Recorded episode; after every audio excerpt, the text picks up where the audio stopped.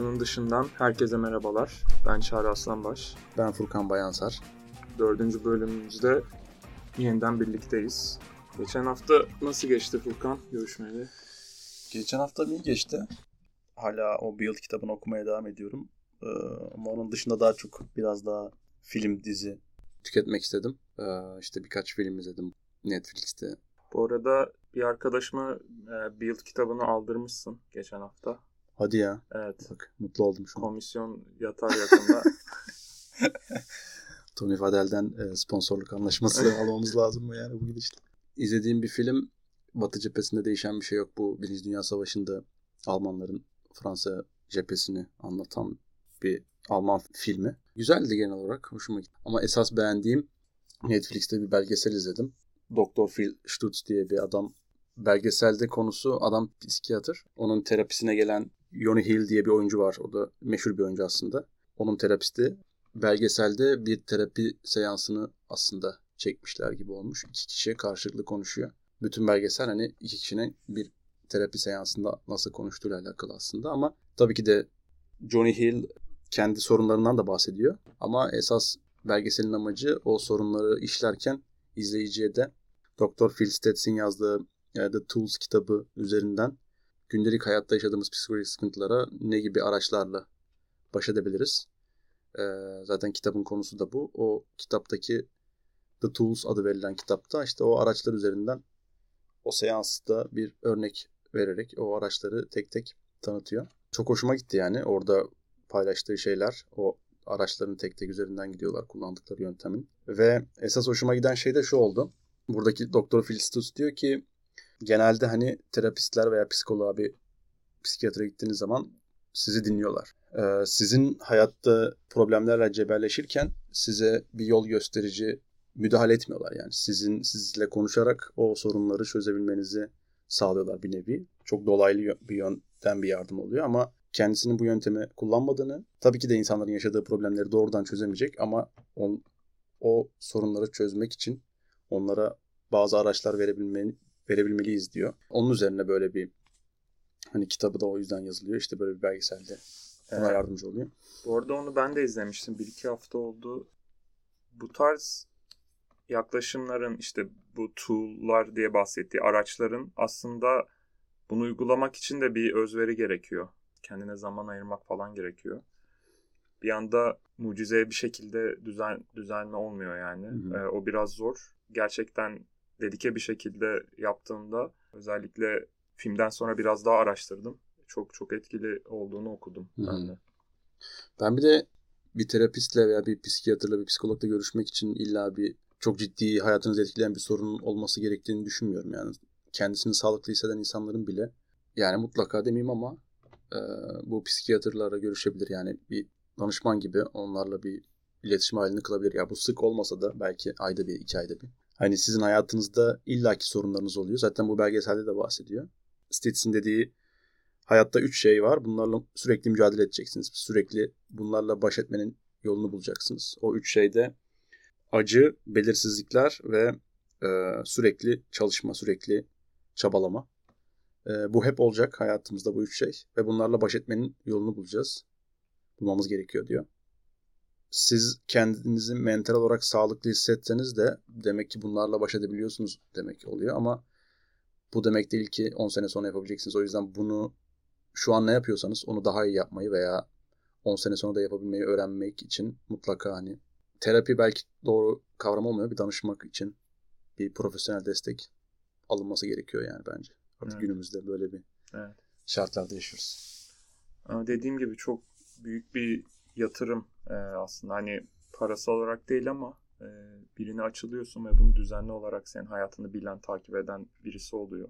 Başlayınca hemen sonuç beklemek doğru değil. Biraz e, zaman ayırmak gerekiyor ama ben de katılıyorum. Herkesin terapiste ihtiyacı olabilir, farkında olmayabilir. Ben geçen hafta bir dizi izledim Gain'de. E, Gain platformda Cezayirler diye. 2022'de yapım e, çekilmiş ama sanırım çok da yeni değil. Tarihine tam bakmadım. Biraz da tesadüf bugün konuşacağımız konuyla yakından olmasa da biraz ilgili olduğunu düşünüyorum. O yüzden e, biraz bahsedeyim. Dizi 6 bölümlük kısa bir dizi. Çok geniş bir oyuncu kadrosu var. yakından tanıdığımız Yiğit Özşener, e, Rıza Kocaoğlu başta olmak üzere. Cem Zeynel Kılıç çok güzel oynamış, çok beğendim. Hatta favori karakterim diyebilirim dizideki. Psikoloji türünde bir dizi mi?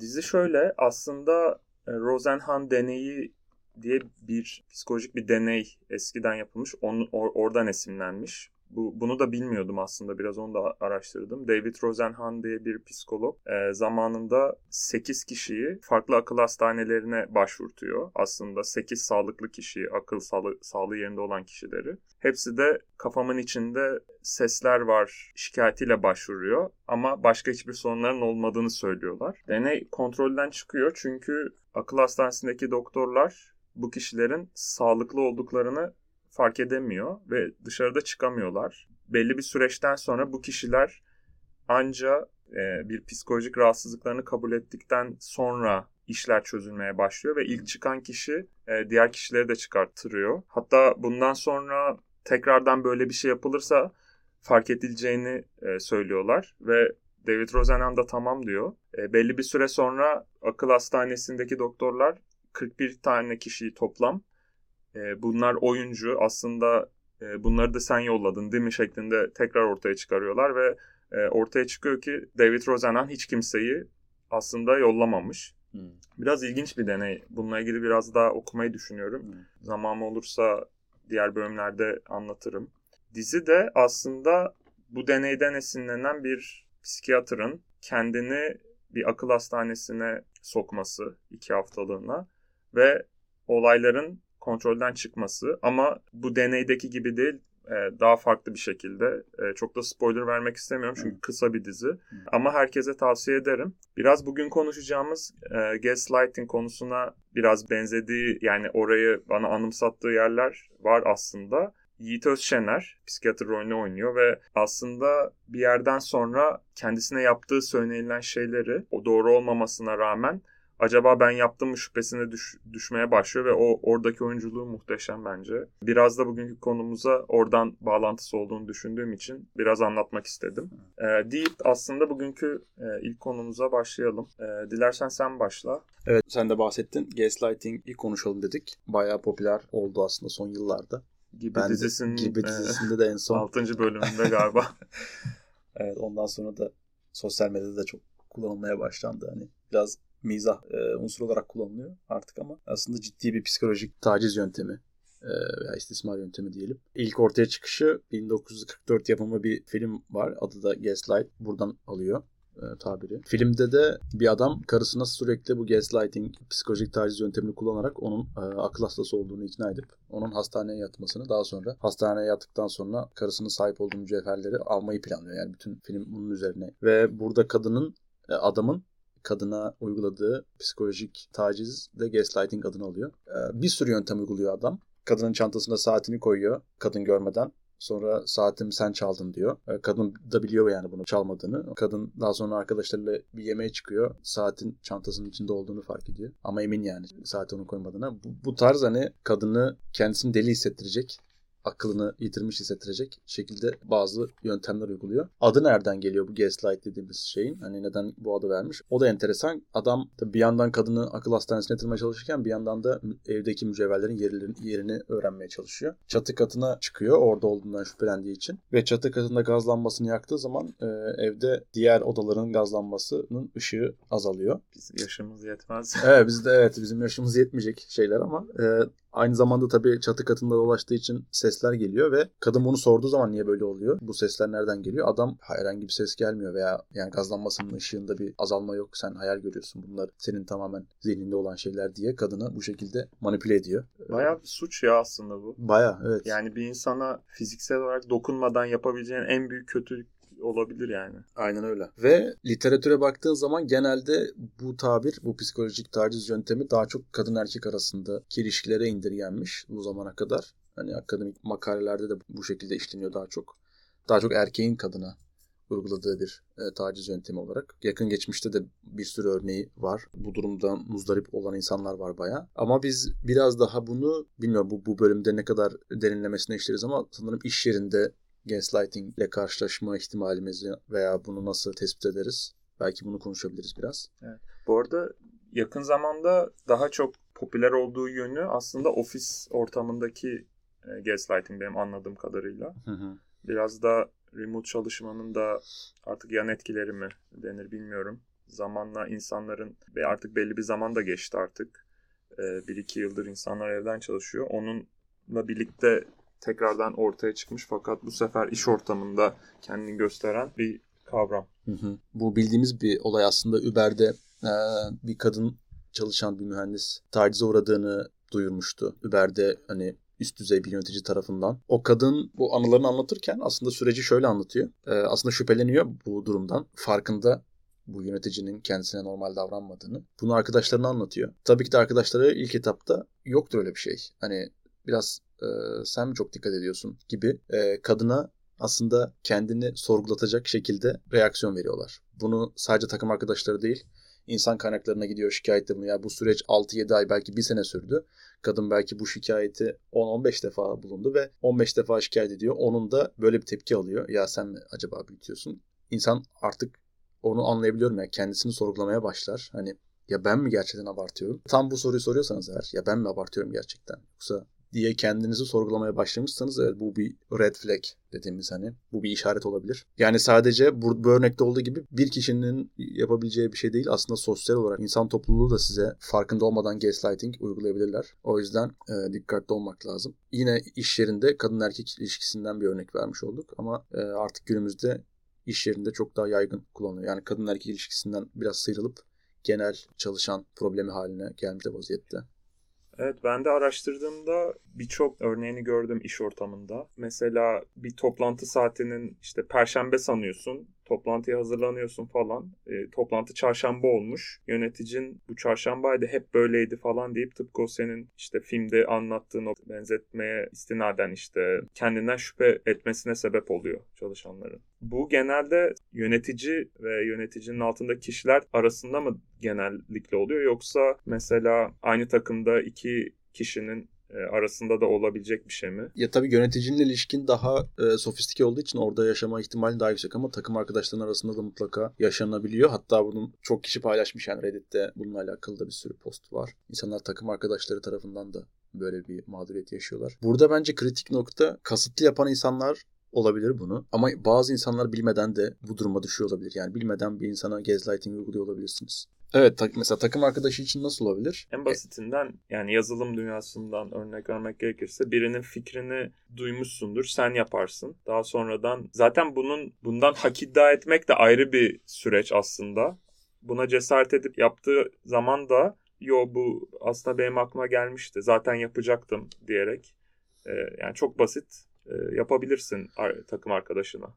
Evet o çok güzel bir örnek. Bunu cidden yaşayan çok insan varmış. Ben bile yaşadım hatırlıyorum. Ee, bir fikir ortaya atıyorsun. O toplantıda veya o kontekste insanların ilgisini çekmiyor ama iki hafta sonra birisi çıkıyor. Takım arkadaşının böyle bir fikrim var diyor. O herkes çok iyi fikirmiş bunu kesin yapalım. Evet. Sen burada e, ya ben bunu söylemiştim zaten desen o ayrı bir durum.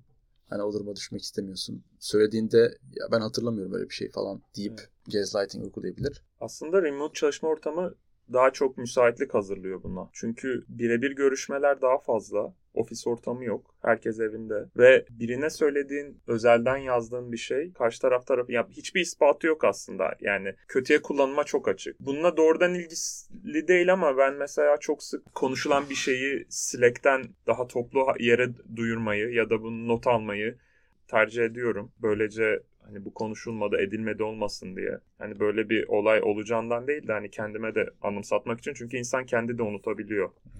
Biraz da hani kendinden şüphe etmesine yol açmasının sebebi de bu bence. Diyelim 10 kişilik bir takımda sadece sana yapıldığını düşünüyorsun yöneticin tarafından. Aslında biraz da insan kendine güvenini kaybetmekten ziyade bu bunun kendine yapıldığından direkt emin olabiliyor, emin hissedebiliyor. Neden bana yapılıyor? Zaten birkaç kişi yapması gerekmez miydi öyle bir şey yapsa?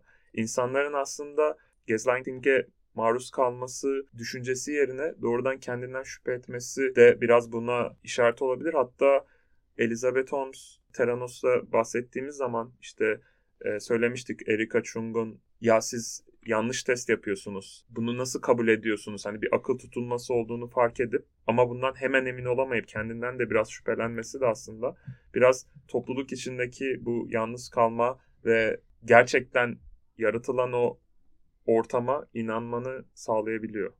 Yani Evet. buna neden olabiliyor daha doğrusu. Tabii ilk etapta tabii karaktere göre değişen bir şey tabii ama dediğin gibi ilk etapta insan kendisini sorguluyor. Ya ben mi yanlış anladım acaba? Veya ben mi eksik dinledim? Eksik anladım. Veya ben mi kendimi doğru ifade edemiyorum? Yaşadığınız birkaç örnekten sonra kendi özgüveninizin ne kadar olduğu da bağlantılı bir şekilde bir yerde diyorsunuz ki yok ya sorun bende değil. Ama bunu diyemeyen insanlar da oluyor ve bu onların iş hayatını, kariyerini çok çok kötü etkiliyor yani ve çok toksik bir çalışma ortamında maruz kalıyorlar yani. Bir diğer takım içerisinde yapılabilecek gaslighting de şu olabiliyor. Ben de bu- bunun çok örneğini gördüm. Ee, internette insanlar paylaşmış. Takım arkadaşınız insanların arasındayken size çok güzel iltifatlarda bulunuyor. Sizin çok iyi bir çalışan olduğunuzdan bahsediyor ama birebir olduğunuzda sizi sürekli suçlayıcı ifadeler kullanıyor. Beraber çalıştığınızda sizi rahatsız edecek şekilde konuşuyor. Olumsuz feedback veriyor veya tam tersini yapıyor. Yüz yüzeyken çok iyi her şey çok gü- güzelmiş gibi konuşuyor ama insanların içinde iğneleyici konuşuyor, eleştiriyor. Yani nasıl olduğu fark etmiyor. Amaç karşıdaki insanın kafasını karıştırmak, kendi gerçekliğini kaybetmesini sağlamak yani. Ama bunu kötü niyetli yapan insanların varlığına ben inanmak istemiyorum. Bir de öyle bir durum var. Ben hiçbir zaman böyle bir durumla karşılaşmadım bu zamana kadar ama eminim bunu yapan insanlar var. Ama eğer ki karşıdaki insanın iyi niyetine güveniyorsanız yani onu bilmeden yaptığını düşünüyorsanız ki bu da çok kritik yani belki de adam iyi niyetli değil yani ama öyle öyle olduğuna inanıyorsanız en güzel yöntem belki de karşına alıp düzgünce konuşmak yani sen bunları yapıyorsun ve bunlar beni bu şekilde kötü etkiliyor. Ama eğer karşıdaki kişi kötü niyetliyse siz onu karşınıza alıp bunları konuştuğunuzda sen bana böyle yapıyorsun diye o adam zaten en iyi yaptığı şeyi bir daha yapacak ve yo öyle bir şey yok. Ben bunları yapmadım veya ben bunları kötü niyetli yapmıyorum veya benim niyetim bu değil gibi yine sizi gaslightlayacak diyelim. Evet zaten iş yeri ortamı dışında bile herhangi böyle hissedilen durumda direkt olarak bunu yaptığından şüphelendiğin kişiyle gidip konuşmasını e, öneriyorlar. Ya burada bir yanlış anlaşılma da olabilir. Bir de bu bir feedback'tir aslında. O yüzden ben de mesela e, ne bileyim yöneticimle görüşmelerimde hep ilk olarak bana bir feedback'in var mı diye başlarım. E, olabilir insanlık hali yanlış da anlaşılabilir.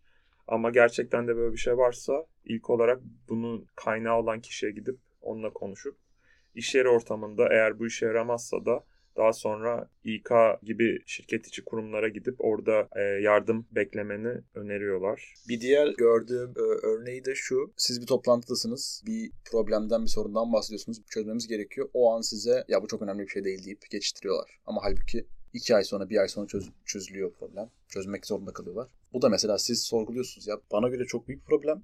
Yani ben mi yanlış görüyorum? Ben mi yanlış değerlendiriyorum? Diye sorgulamaya başlıyorsunuz. O an size gerekçeli bir şekilde açıklanmıyor neden onun önemli olmadığı. Sadece önemli bir şey değil bu deyip geçiştiriliyorsa bu da belki bir red flag olabilir yani.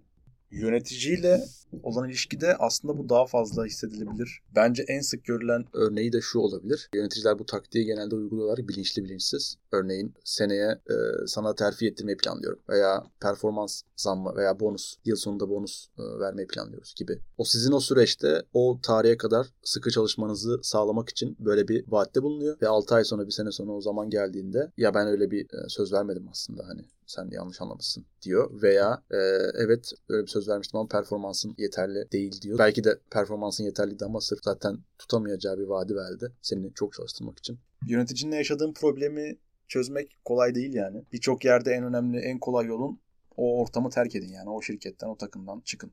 Ama bu da kolay değil. Hemen yapılabilecek bir şey değil. O yüzden zor bir durum. İşte aslında psikolojik olarak karşındakine yapabileceğin en, belki de en kötü şey derken biraz kastettiğim şuydu. Diyelim böyle bir durumu hissettin ve çabaladın bunun olmaması bitmesi için ya da hiç çabalamadan farklı bir iş buldun, oraya geçtin. Aslında bu seni belki de bu konuyla yüz, yüzleşmediğin sürece hep takip edecek bir kaygı ya da bir güven eksikliğine sebep olacak. Yani bir iş yerinde neden ayrılmak ister insan? İşte geçen hafta biraz konuşmuştuk. E, düşük maaş olabilir ya da bir bağlılık azalır. Şirketin yaptığı şeyler seni artık heyecanlandırmaz. Kendi işin heyecanlandırmaz. Yeni bir yere geçtiğinde eğer seni satisfy eden şeyler varsa tekrardan eski heyecanını bulur ve devam edersin. Ama bu gaslighting sonucu bir iş değiştirme senin her zaman peşinden gelecek bir kaygı kümesinde yanında getirecek aslında. Yani bunun bir şekilde çözülmesi artık terapi ya da bir e, psikolojik bir destek olabilir ya da bunu eski yöneticinle yüzleşip çözmek olabilir. Tabii bunu yapanın yöneticin olduğunu varsayıyorum. Bu durumu anca öyle çözüp kariyerine öyle devam etmeye sağlayacaktır. Yani mutlaka çözülmesi gereken bir şey.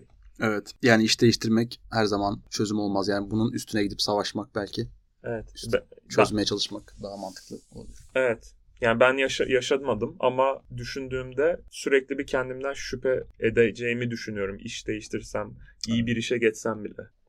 Böyle bir durumla yani gaslighting'e uğradığınızı düşünüyorsanız bence bundan emin olmak da zor ama yapılabilecek en önemli şey veya en faydalı şey daha çok yazılı iletişim araçlarını kullanmanız şüphelendiğiniz kişiyle. Bu e-mail olabilir, bu Slack olabilir. Böylece geriye dönüp ya bu kişi bana ne demişti diye doğrulayabilirsiniz. Kendinizden şüphe etmezsiniz böylece. O yüzden hani böyle videolu görüşme, sesli görüşmeden ziyade yazılı görüşmenin böyle bir faydası olabilir mağdur olmamak için. Bugün konuşmak istediğim diğer bir konu da aslında geçen hafta çok kısa üstünde durmuştuk. Yani status anxiety ya da statü kaygısı kavramı. Biraz aslında beklediğimden daha az kaynak bulduğum bir kavram. Bu kaynağı ortaya çıkaran kişinin kitabı ve bir belgeseli var. Onun dışında çok nadir bahsediliyor ama benim çok ilgimi çekti. Aslında ilk çıkış sebebi iş yeri ortamlarına ya da ofis ortamlarına özgü bir şey değil ama ben oraya uyarlanabileceğini aslında birçok kişinin de bundan mağdur olabileceğini, bunu da fark etmeyip kendine kaygı bozukluğuna kadar götürebileceğini düşünüyorum. İlk önce tanımdan bahsedeyim. Statü kaygısı bulunduğun toplumun, grubun ya da işte şirketin içinde yaşadığın başarısız görülme korkusu. Bu aslında biraz ofis ortamına evrilmiş tanımı. Kavram ilk olarak Alan de Botton'un 2004'teki aynı isimli kitabında kullanılmış. Hem kitabını hem belgeselini ikisinde bakma şansım oldu. Belgeselini de kendi sunuyor zaten. Bu 1950'ler zamanında Amerika'da pohpohlanan herkes lüks yaşayabilecek kavramı. İşte e, banyodaki bu müstakil evler, herkesin Amerikan arabasına binmesi gibi bu tarz hayat tarzının e,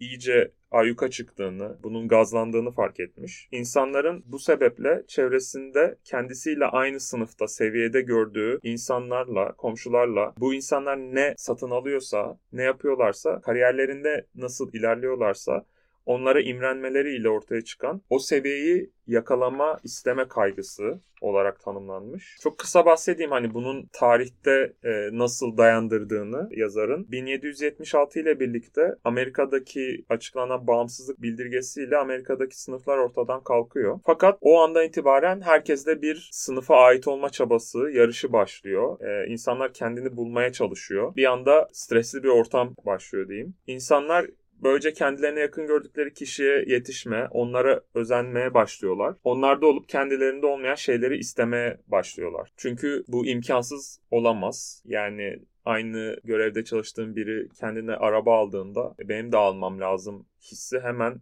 insanda belirebilir. İnsanların böylece sahip olduğu statü sembolleri eşyalar olmaya başlıyor. İşte lüks arabadır, evdir, evin içindeki döşemedir, mutfak eşyaları, aklına gelebilecek her şey. Bu sana duyulan saygıyı arttırıyor ve aslında insanları status consumption denilen yani statü harcaması kavramına yönlendiriyor.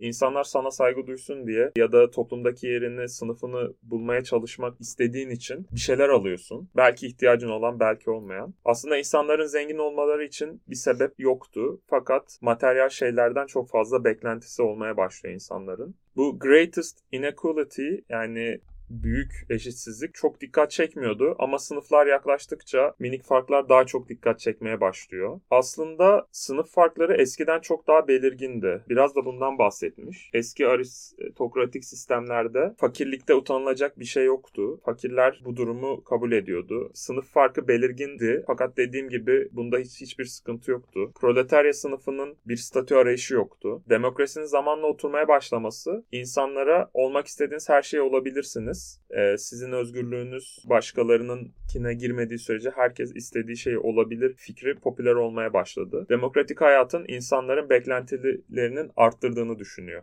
Demokrasiyi kötülemiyor fakat bunun statü kaygısının başlangıç şeyini oluşturduğunu düşünüyor. Biraz da belgeselinde özellikle Amerika'ya sık sık gitmiş. Sanırım kendisi İngiliz araştırmak için Amerika'ya gidiyor. Tabii Amerika'da herkes daha eşit. De yasalar bunu öngörüyor fakat aslında durum öyle değil. Görüştüğü işte okuldaki öğretmenler ya da belli bir statü sahibi insanlar Amerika'nın aslında asıl hedefinin meritokrasi olduğunu söylüyor.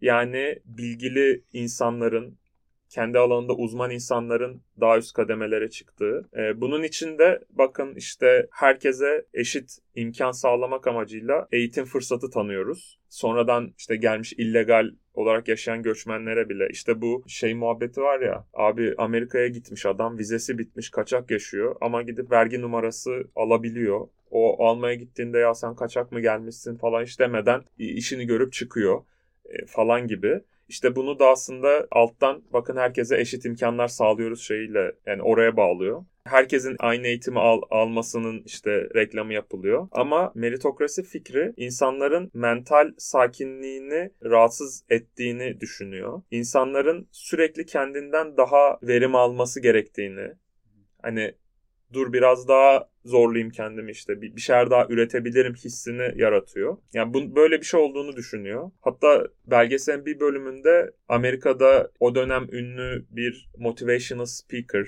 ya da işte motivasyon konuşmacısı bir kişiyle de konuşuyor. İşte klasik olur ya TED'de de bir sürü görürüz. Yani. E, gerçi eskiden çok daha bunlar televize ediliyordu işte televizyon kanallarında siz daha iyi olabilirsiniz. Bakın şu üç aşamayla herkes kendinden daha da çok daha bilmem ne olacak falan gibi bu bu kişilerden biriyle e, röportaj yapıyor. Bu tarz motivasyon konuşmalarının insanlara siz çok daha iyisini yapabilirsiniz şeklinde onların aslında ezik hissetmelerini ya ben yaşamıyormuşum ya ben neler yapabilirmişim deyip aslında bir kaygıya girmelerini ve tüm potansiyellerinin ortaya çıkarmaları için onları strese soktuğunu düşünüyor. Bu arada ben buna katılıyorum. Çok fazla kişisel gelişim kitabı okumuş, videosu izlemiş biri olarak her izlediğimde içimde bunu yapmak için bir gaz olmasının yanı sıra bir de ya geç mi kalmışız ya neler dönmüş işte deyip böyle bir yetişme hissi de yaşıyorum. Evet. En meşhur kişisel gelişim kitaplarından birisi yazarın hatırlamıyorum içindeki devi uyandır. Öyle bir kitap vardı evet. çok meşhur. Yani bu bile. Evet. Ya ismi bile bana şey evet, verdi şu an. Elim ayağım titretti yani. Belgeselin ve ya da kitabın ilk yarısında bu sebeplerden bahsediyor aslında yazar. Kalan yarısında da bunlardan arınabilmek için bazı yollar öneriyor. Aslında bu da böyle motivational speaker gibi yapmıyor bunu. Hani hmm. daha uzun süreli işte toplumlara, devletlere verdiği tavsiyelerle devam ediyor. Tavsiye ederim. Mutlaka izlenmeli. Ben aslında biraz şey şunu tartışmak istiyorum. Günümüzde özellikle remote çalışma düzenine geçildikten sonra bu iletişim araçları çok daha fazla kullanılmaya başlandı. Slack olsun ya da e, daha detaylı dokümanlar falan için Google Doc vesaire. Burada çok fazla aslında insanların yaptıkları şeyleri daha diğer insanlara duyurmak için bu tarz iletişim araçlarını kullandığını gördük. Bunların aslında diğer kişilerde statü kaygısı yarattığını düşünüyorum. Ya adam ne yapmış ya ne kodu yazmış ya da adam ne doküman yazmış bravo vallahi deyip bir anda aa ben niye yazamadım ya ben ben de bir şeyler yapmalıyım Yoksa de aslında birazdan oraya da geleceğim. E, bu imposter sendroma bağladığı düşünüyorum. Biraz da senin fikirlerini dinlemek istiyorum. Bu konu hakkında ne düşünüyorsun? Evet, şimdi genel statü kaygısıyla alakalı çok güzel bir özetledin. İlk başta genel fikrimi söyleyip sonra iş yerindeki bu toksik çalışma ortamların belki nasıl statü kaygısına sebep oluyor. Ee, onu konuşabiliriz. Dediklerine bayağı katılıyorum yani. Amerika'nın özellikle işte bir İkinci Dünya Savaşı'ndan sonra işte kapitalizmin bütün dünyada özellikle Amerika'da çok yaygın bir ekonomik model olmasıyla insanlar tamamen dediğin işte bu sınıflar kalkıyor ama aslında kağıt üstünde kalkıyor sınıflar sınıfların kalkmasıyla insanlar dikey sınıf değiştirebileceğini farkına varıyorlar. Ve çevresinde bu dikey olarak sınıfını değiştirebilmiş, bir üst sınıfa geçebilmiş insanlar varsa onda ben neden yapamayım duygusu uyandırı olabilir. Yani bu normal. Ama diğeri daha mı iyiydi? Yani işte Hindistan'da diyorlar ya bir kas sistemi var. Siz orada bir statü kaygısı olmaz mesela. Sen biliyorsun ömür boyu ağzında kuş tutsan bir üst sınıfa geçemeyeceksin. Dolayısıyla bir statü kaygın yok. Rahat rahat yaşıyorsun yani. Ben böyle geldim böyle gideceğim. Bu mu daha iyi, daha mutlu ediyor insanı yoksa Yoksa işte şu an Amerika'daki sistem yani işte fırsatlar ülkesi. Yani sen yeteri kadar çalışırsan, yeteri kadar çabalarsan her şey mümkün. Her şeyi başarabilirsin. Evet bu inanılmaz bir stres veriyor ama bu fırsatı insanlara sunabilmek de lazım bence. E tabii ki de bundan en çok faydalanan devletler oluyor. İşte çok uluslu şirketler oluyor. O yüzden ben emin değilim yani bir sosyalist bir düşünceyle yani herkes eşit eşit haklara sahip olmalı, eşit fırsatlara sahip olmalı ama yetenek de ödüllendirilmeli bence. Yani bir insan bir işine daha iyiyse, daha iyi yapıyorsa, daha çok çalışıyorsa veya daha az çalışmayla daha başarılı bir iş ortaya çıkarabiliyorsa bu insan ödüllendirilmeli yani diye düşünüyorum ben. Yani yeteneği aşağılayan veya yeteneği hor gören bir sistemin yürüyeceğini hiç düşünmüyorum yani. Bu kapitalizm yürürlükteki sistem en iyi değil ama şu an Amerika'yı Amerika yapan belki de bu kapitalizm yani. Sadece bu sebebe bağlamak kolaycılık olur ama sadece Kaliforniya eyaleti Avrupa'nın en büyük ekonomisi Almanya'nın ekonomisinden daha büyük yani. Amerika'yı ancak Amerika yapan e, unsurlardan birisi de bu sürekli mücadele ve sürekli insanlar arasındaki yarış. Katılıyorum. Hatta şunu ekleyecektim. Senin dediğinle örtüşüyor. Bence şirketlerde ya da çoğu şirkette diyeyim bu statü kaygısı insanların yaşamaları şirketin geleceğine de ya da şirketin başarısına da olumlu olarak biraz katkı sağlıyor bence. Yani çok ince bir denge. Çünkü bunun sonu burnout'a gidebilir. İnsanın çıldırıp e, ben de yapacağım, onu da yapacağım, bunu yapacağım diyerek burnout'a kadar yolu olabilir. Ama bunu seviyeli yaptığında aa o öyle yapmış. Bir de şirket içi bu işte ödüllendirilme genelde recognition genelde böyle manevi şekilde oluyor. İşte arkadaşımızı kutlayalım, ayın elemanı. İlla yazılım şirketi olmasına da gerek yok. Buna insanların özendirilip bakın siz de yapın, siz, size de yapalım bunu şeklinde olması aslında bir denge içinde olması şirkete de çok fazla katkı sağlıyor. Çalışanlar da ödüllendirildiğiyle kalıyor. Aslında tam kalma mı bilmiyorum ama şey içinde bir denge var. Biraz bunun iş yaşamına bu şekilde yansıdığını o yüzden düşündüm statü kaygısının. O yüzden biraz konuşmak istedim. Evet şeye katılıyorum. Şirketlerde gerçekten de bu durum belli bir denge gözetilmek istense de bu sürekli pompalanan bir şey.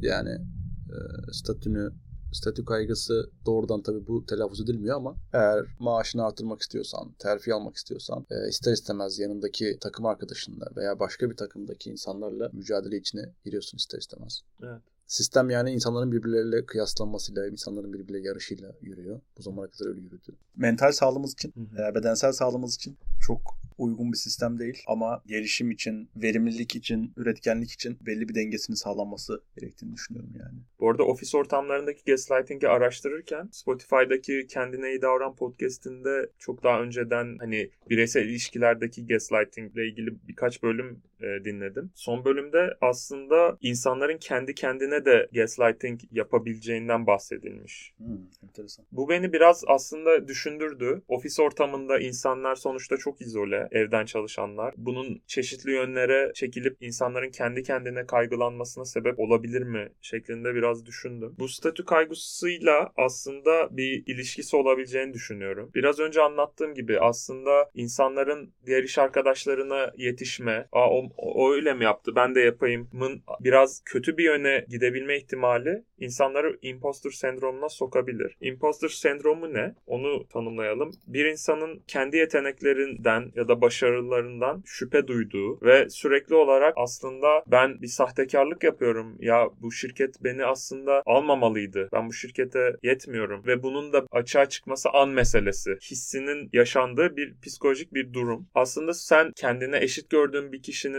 yaptığı seviyeye, yaptığı başarılara ulaşamadığın zaman, buna çabalayıp ulaşamadığın zaman ortaya imposter sendromu çıkabiliyor. Bu da aslında kendi kendine gaslighting yapmana sebep olabilir mi? Biraz onu düşündüm. Aslında sürekli olarak kendinden duyulan bir şüphe hali. Ben yanlışlıkla alındım ben aslında öyle değilim vesaire de aslında kendi kendine bir gaslighting ortamı yaratıyor. Burada kendine bayağı zorluyorsun, işkence uyguluyorsun psikolojik olarak. Ee, burada aslında daha kötü kısmı feedback verebileceğin kimse yok. Burada gerçekten doğrudan yöneticinle ya da hani şirket içinde İK ile falan görüşebilirsin. Ama ben bunu daha da tehlikeli ya da tehlikeli demeyeyim ama çözümü için e, fark etmesi daha güç ve çözümü de daha güç olan bir sıkıntı olarak görüyorum. Hı hı. Evet katılıyorum. Yani güzel bir tespit oldu. İnsan kendi kendine de gaslighting yapabilir yani. Bu da imposter sendrom güzel bir örnek bu durum için. Herkes evinde yapabilir yani. Evet. Zor değil. evet, evet, imposter sendromun kötü tarafı kendinle baş başasın. Kendi kendine çözmen gereken bir problem oluyor. Ama dediğin gibi, senin de söylediğin gibi yöneticiler burada çok önemli bir rolü var. Orada o kişiye bu sorunu çözmek için yardımcı olabilecek bence en mantıklı rol burada yönetici oluyor. Evet, gaslighting ve statü kaygısını e, bağlayabileceğimiz aklıma gelmemişti. İyi oldu, güzel bağlandı ya. Yani. Evet. Ben bir de bu gaslighting de yine geçen hafta konuşmuştuk. İngilizce terimler Türkçe'ye çevriliyor. Şimdi bunu Türkçe'ye çevireyim dedim gazlambalama gibi saçma bir Gaz lambalandınız. yani fena olmadı yine. evet istersen bitirelim. Evet. Dinlediğiniz için çok teşekkür ederiz. Bir sonraki bölümde görüşmek üzere. Hoşçakalın. Hoşçakalın. Görüşmek üzere.